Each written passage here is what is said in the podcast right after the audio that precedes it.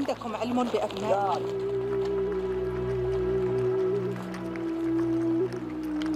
أو عندكم خبر عن أبنائي؟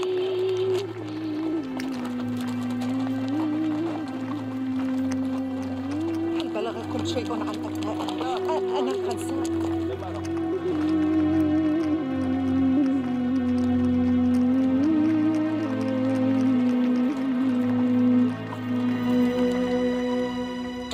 تأخر وصول هشام بن عتبة في من خرج معه من الشام وقد أمن الناس بوصوله في ستة آلاف. ونوشك أن نلقى عدونا في يوم القادسية الثالث. ولا نريد أن تفتر عزائم الناس. وقد رأيت أن تسيروا سرا إلى ما وراء القادسية في هذا النصف الأخير من الليل. واحرصوا ألا يفتن إليكم الناس. ثم إذا كان النهار تقبلون علينا مئة مئة كما أقبلنا أول مرة. فإن جاء هاشم فذاك. وإلا جددتم للناس رجاء جديدا. لقد أبلوا بلاء حسنا وعسى الله أن يتقبل منهم ويحسن عزاءك فيهم. فاصبري واحتسبي. لا أقول إلا ما يرضي ربي. إن لله وإنا إليه راجعون. والحمد لله الذي شرفني بقتلهم. في سبيله وعسى ربي أن يجمعني بهم في مستقر رحمته.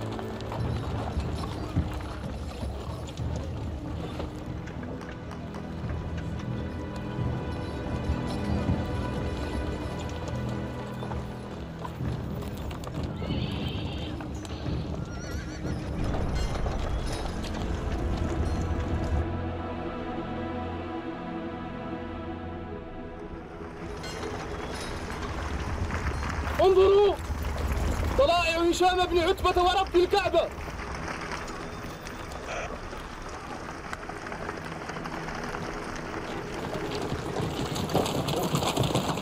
الحمد لله الذي جاء بكم قبل أن ينشف القتال. إن الناس يصطفون ليوم مثاله أين بقيتكم؟ على أثري. جعلتم فرقا بين الواحدة والأخرى مسافة. ولكن ما أنتم هنا؟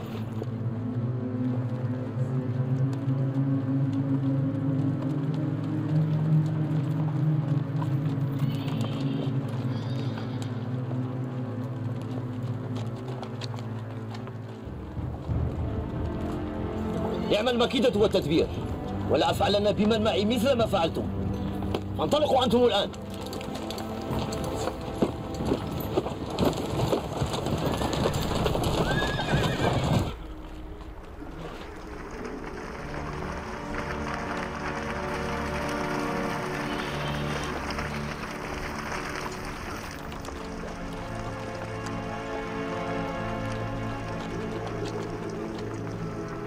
اللهم لك الحمد.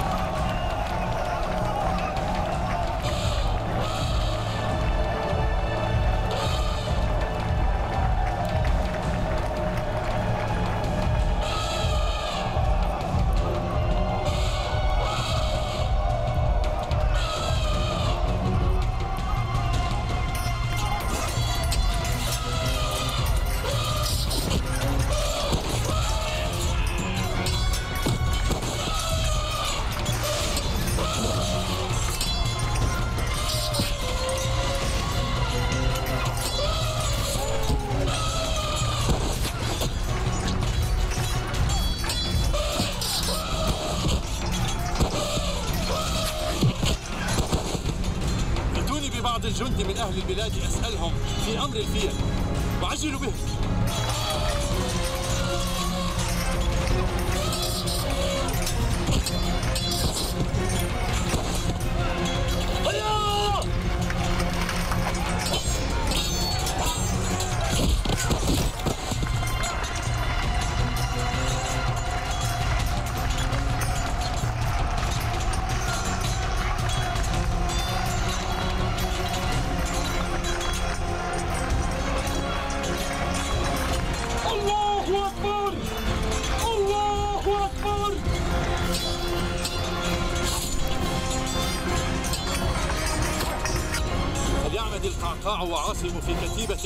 الفرسان إلى الفيل الذي يتقدمها فإنها تنقاد به. فليضربا العينين والمشفى.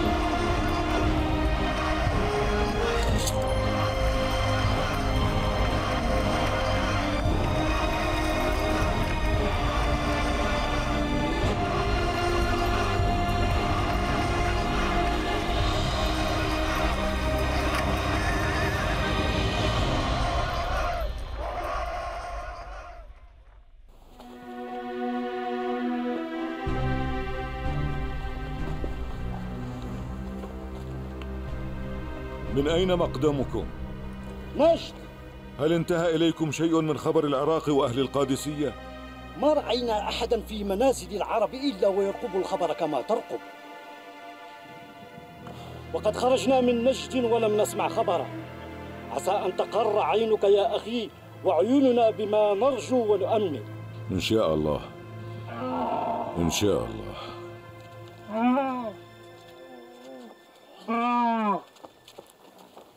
ما زلت منذ أيام تسأل الركبان ولا تجد جوابا يا أبتي. وقد انتصف النهار واشتد القيظ. أفلا ترجع فتقيم حتى يأتيك الخبر بما تحب إن شاء الله؟ فإن رسول سعد إذا جاء لن يخطئك ولن يتقدم بخروجك هذا إلى ظاهر المدينة ولن يتأخر بمكوثك فيها. ارجع أنت يا عبد الله. أما أنا فلا أطيق قعودا. ولا أحسن نوما حتى أعلم ما صنع الله بأصحابنا.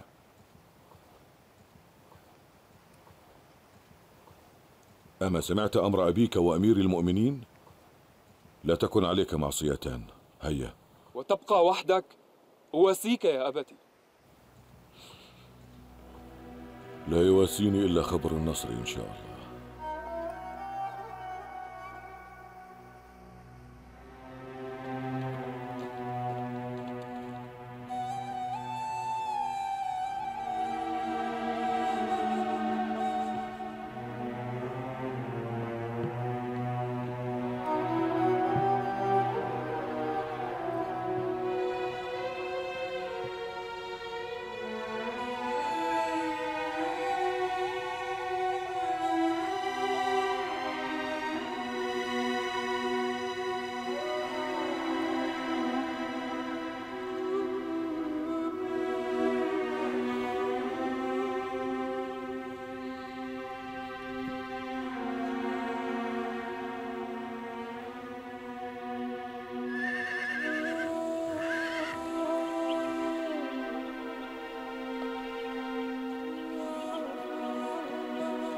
من أين مقدمك؟ من القادسية.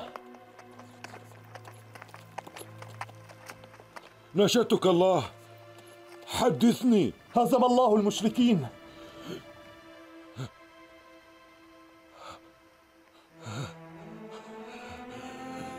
أربعة أيام دونها خبر اليرموك وقد لقينا من الفيلة عنة عظيما حتى أعاننا الله عليها.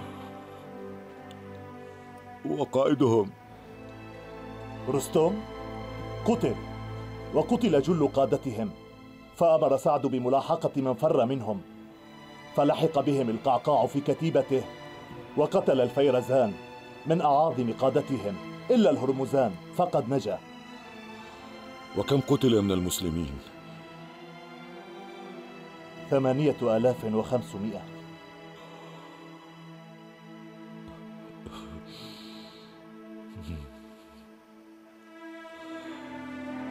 أتعلم أين أجد أمير المؤمنين؟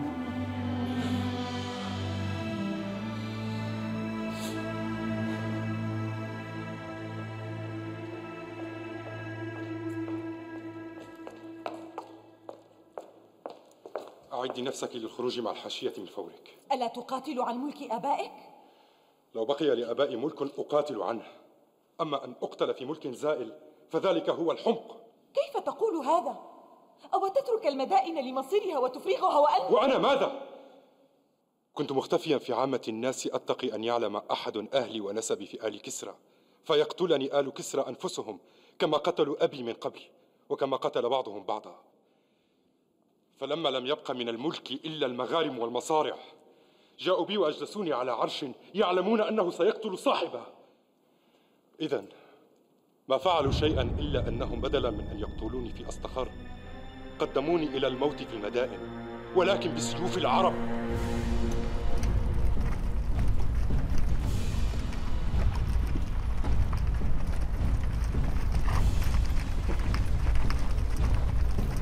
أبيض كسرى. القصر الأبيض.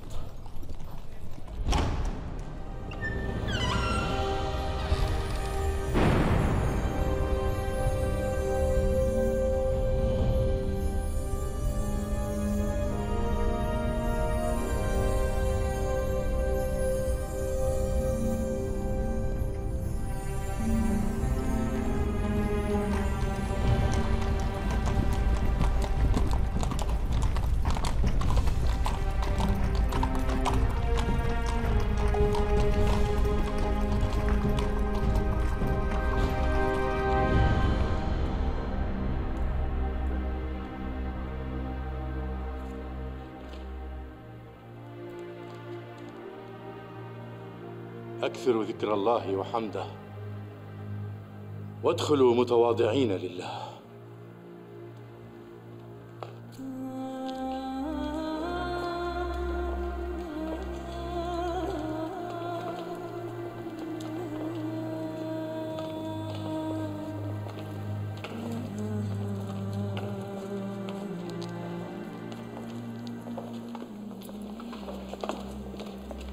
الحمد لله الذي أخرجني من بينهم فتى صغيرا وألحقني بدار الإسلام. وما كان لمثلي حين كنت فيهم كأحدهم. أن أرى من هذا كله بارقا وكنا نفلح الأرض للأمراء والدهاقين. فلا نصيب ما يسكت جوعنا. وما كان جوعنا وفقرنا إلا من هذا.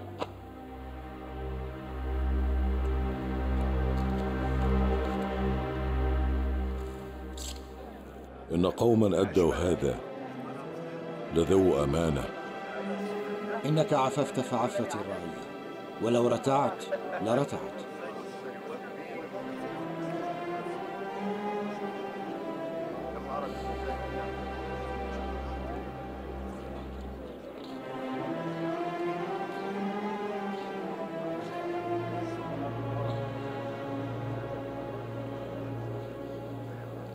أتبكي يا أمير المؤمنين وهو يوم فرح عظيم؟ والله ما أخشى عليكم الشدة وضيق العيش. إنما أخشى عليكم مثل هذا. فما أقبلت الدنيا على قوم بمثل هذا؟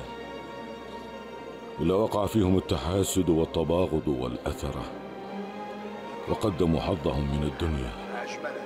على حظهم من الآخرة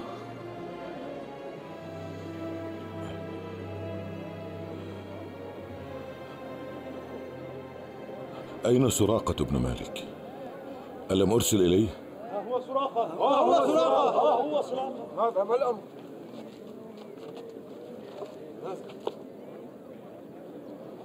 أتعلم ما هذه؟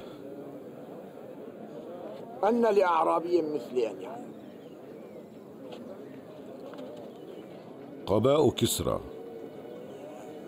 ومنطقته وسواراه وتاجه وثيابه.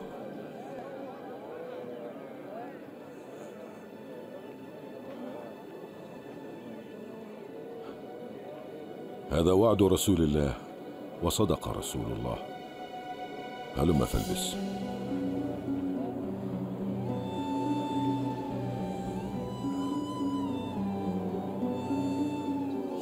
كيف بك يا سراقة؟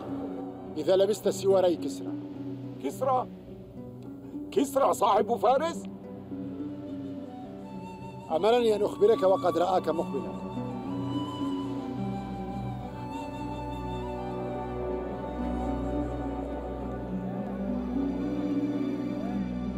أدبر.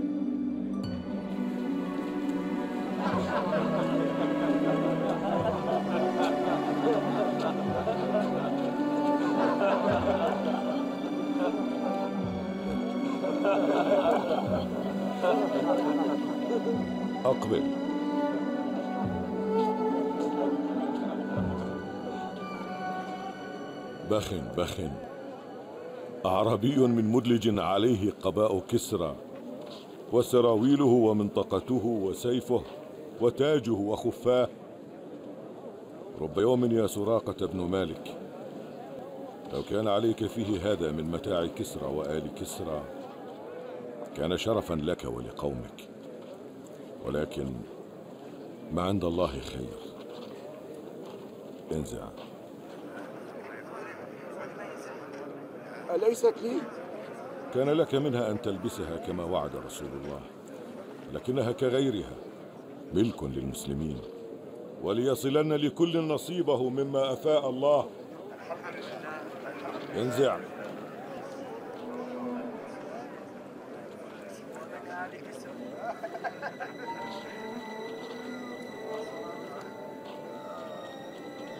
اللهم إنك منعت هذا رسولك ونبيك.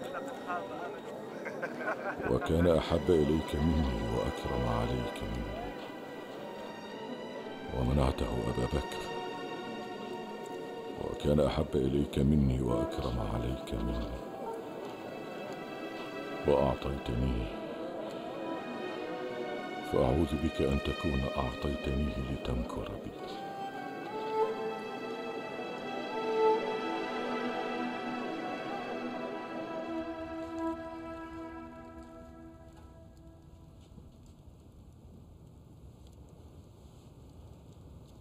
تخرج من الليل.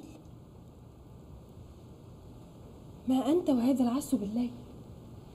إن كان لابد منه فاجعل غيرك عليه. قد جعلت نفسي من المسلمين بمنزلة أبي العيال. أنظر أحوالهم في الليل والنهار ما وسعني ذلك. فإن الله ينظر في عملي في الليل وفي النهار. عودي إلى فراشك يرحمك الله.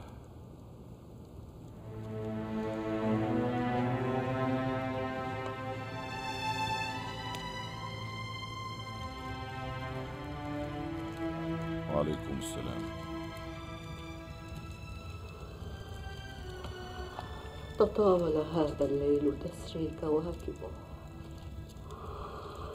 وأرقني الضجيع ألاعبه ألاعبه طورا وطورا كأنما. بدا قمرا في ظلمة الليل حاجبه. فوالله لولا الله لا شيء غيره. حرك من هذا السرير جوانبه.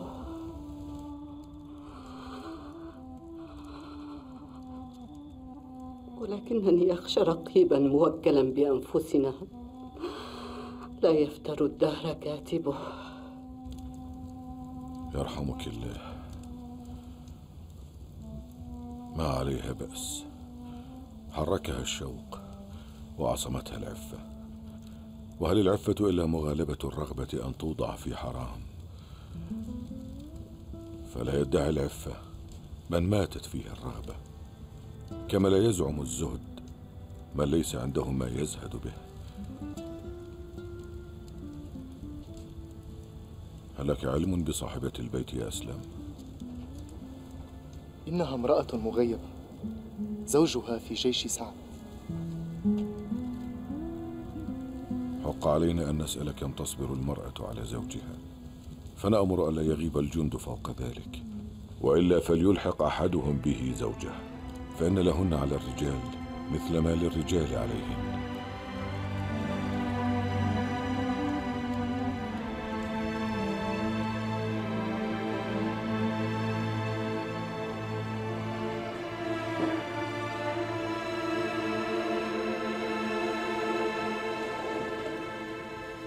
الحمد لله الذي أفاء علينا ملك فارس والشام. وقد آن الأوان لأن نرتب قسمة المال بين المسلمين على هيئة معلومة راتبة ليعرف كل حقه.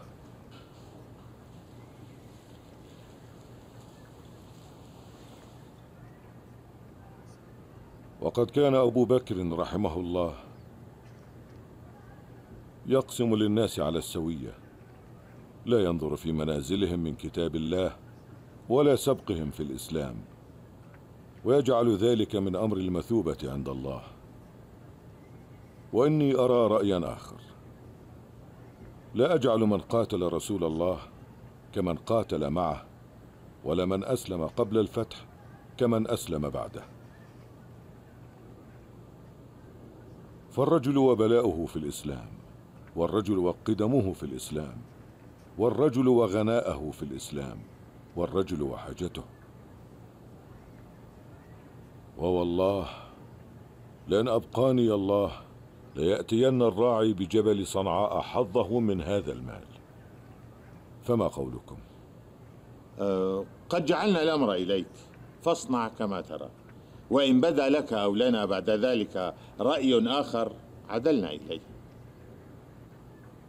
أرى مالا كثيرا يسع الناس وليأتين أكثر منه إن شاء الله إذا اكتمل فتح فارس كلها. إن شاء الله. إن شاء الله. أما الشام فقد صارت كلها إلى المسلمين إلا بيت المقدس وعسى أن يفتحها الله علينا قريبا. وقد كثر الناس أيضا فإن لم يحصوا حتى يعرف من أخذ ممن لم يأخذ. فإن نخشى أن يختلط الأمر. صدقت. فما الرأي؟ افعل كما كان يفعل الروم والأكاسرة. دون ديوانا للعطاء والجند. واجعل عليه عاملا يحصي في الدفتر فئات الناس على منازلهم وعطاياهم فنعرف ما خرج من بيت المال لهم ونعلم من لم يصله نصيبه. ثم نعلم ما بقي في بيت المال لينفق في طوارئ الحاجات. إنه والله لرأي حسن. ونجعل مثله ديوانا للإنشاء. تكون فيه الكتب التي تصلنا ويعمل فيه كتبة يكتبون لنا فقد كثر عمالنا وزادت الحاجة إلى الرسائل. ومثله ديوان للخراج.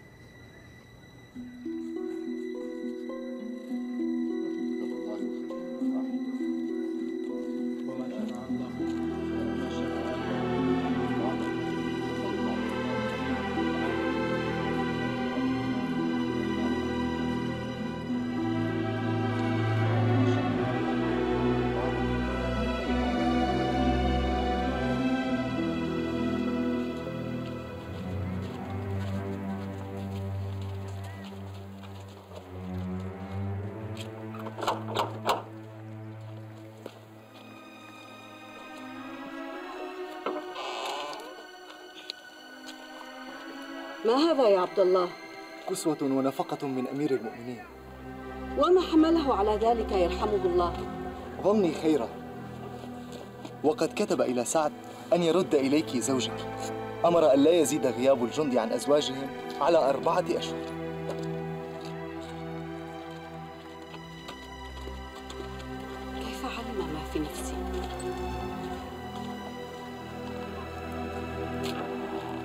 ليس لك هذا يا أمير المؤمنين. فإن الله تعالى يقول واعلموا أن ما غنمتم من شيء فأن لله خمسه وللرسول ولذي القربى واليتامى والمساكين وابن السبيل. فهذه الأرض التي أفاء الله بها على المسلمين في العراق والشام حق لمن شهد فتحها وينبغي أن تقسمها بينهم كما طلبوا وكما يقسم المال. بل الرأي ما رأى أمير المؤمنين. تحبس الأرض ولا تقسم حتى يعود ريعها وخراجها لعامة المسلمين حاضرهم وغائبهم. فلا تكون دولة بين الأغنياء منهم. فما من أحد من المسلمين إلا له في هذا الفيء حق. فكيف بمن يأتي من المسلمين؟ فيجدون الأرض قد اقتسمت وورثت عن الآباء وحيزت.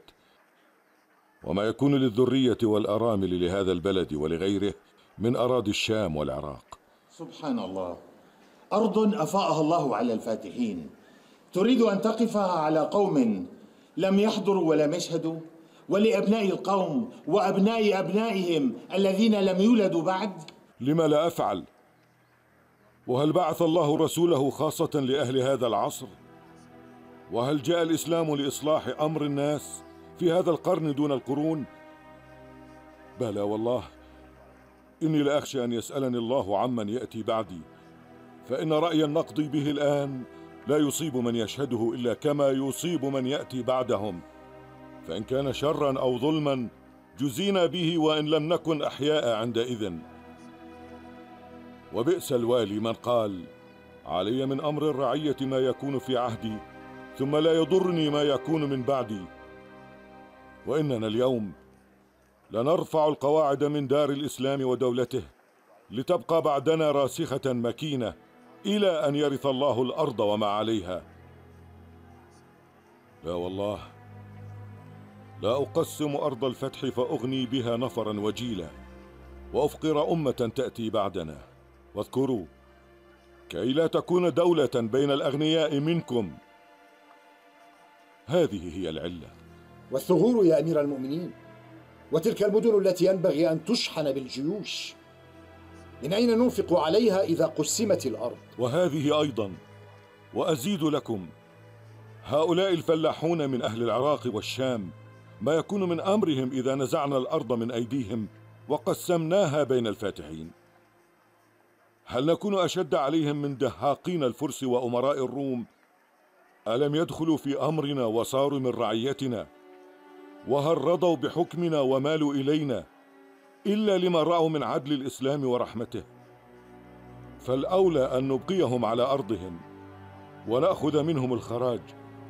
ننفق منه على الثغور والجيوش وعلى حاجات الرعية. وذلك أحرى أن يقبلوا على الإسلام. وتلكم هي الغاية. فإنما نحن دعاة وهداة. لا طغاة ولا جبات وعليكم السلام.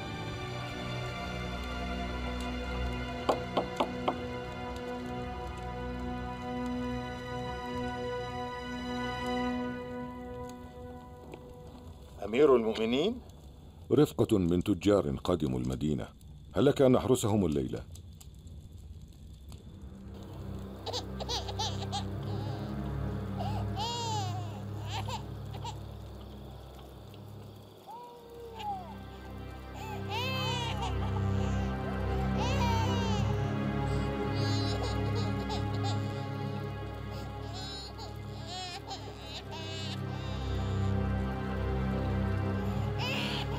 الله.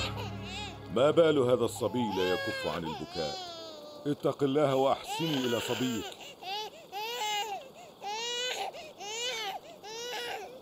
ويحك إنك أم سوء. ما لي أرى هذا الصبي لا يقر منذ الليلة من البكاء. وأنا أدعوك إلى إسكاته ولا تفعلين. يا عبد الله إني أشغله عن الرضاع.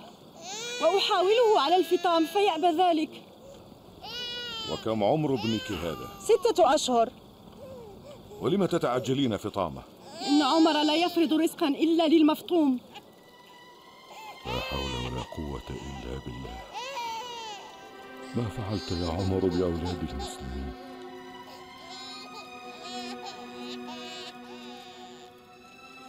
ويحك لا تعجليه على الفطام. وأنا ضمين أن يرجع عمر عن رأيه. أيها الناس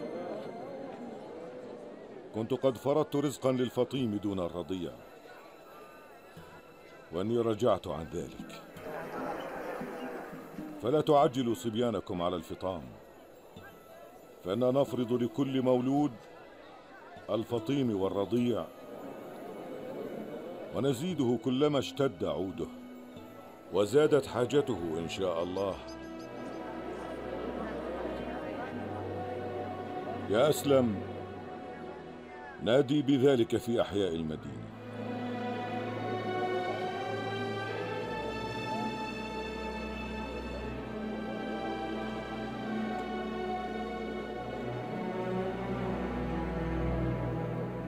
بؤسا لعمر. كم قتل من أولاد المسلمين؟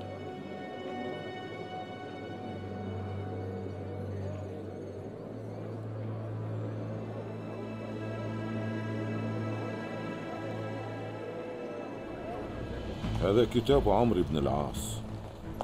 قد مضى عليه أربعة أشهر في حصار القدس وهي ممتنعة بأسوارها. وكان أرطبون الروم على حاميته. فلما يأس من النجدة خرج منها إلى مصر. أما أهل المدينة وبطريقها فقد رغبوا في الصلح والعهد والأمان ولكنهم اشترطوا أن أتولى عقد الصلح لهم بنفسي. فيما تشيرون؟ ما طلبوا الصلح وهم قادرون على حفظ المدينة بعد أن سارت عنهم حامية الروم وأدركهم اليأس في الرأي ألا تسير إليهم ليروا أنك بأمرهم مستخف ولقتالهم مستعد فلم يلبثوا إلا اليسير حتى ينزلوا على أمر عمرو. أما أنا فأرى أن تسير إليهم وتعقد لهم الصلح كما طلبوا. ووالله ما أحب أن يكون الصلح مع أمير المؤمنين إلا ليكون عقد الصلح أمانا لهم ولكنائسهم وصلاتهم إلى آخر الدهر. فلا يكون لمسلم بعدك أن يخالف عن عهدك له. فامض على بركة الله.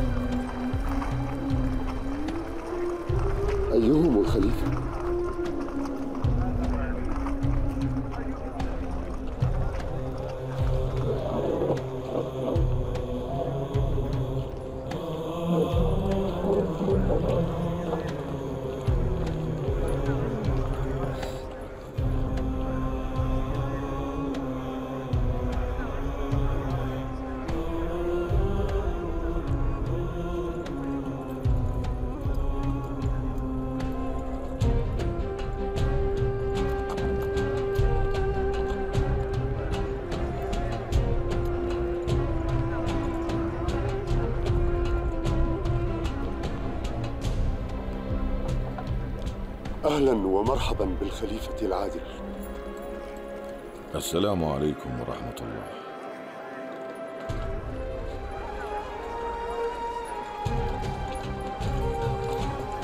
أيها الخليفة لا أرى على أحدهم هيئة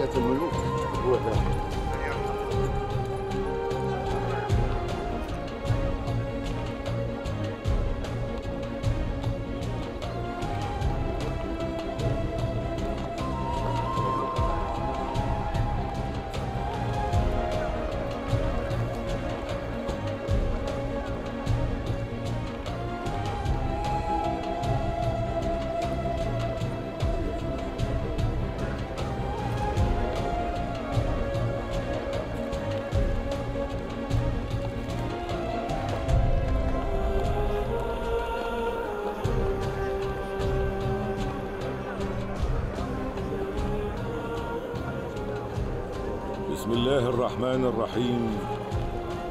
هذا ما أعطى عبد الله عمر بن الخطاب أهل إيلياء من الأمان. أعطاهم أمانا لأنفسهم وأموالهم ولكنائسهم وصلبانهم وسقيمها وبريئها وسائر ملتها. إنه لا تسكن كنائسهم ولا تهدم ولا ينتقص منها ولا من حيزها ولا من صليبهم ولا من شيء من أموالهم. ولا يكرهون على دينهم ولا يضار أحد منهم. وعلى ما في هذا الكتاب عهد الله وذمة رسوله وذمة الخلفاء وذمة المؤمنين.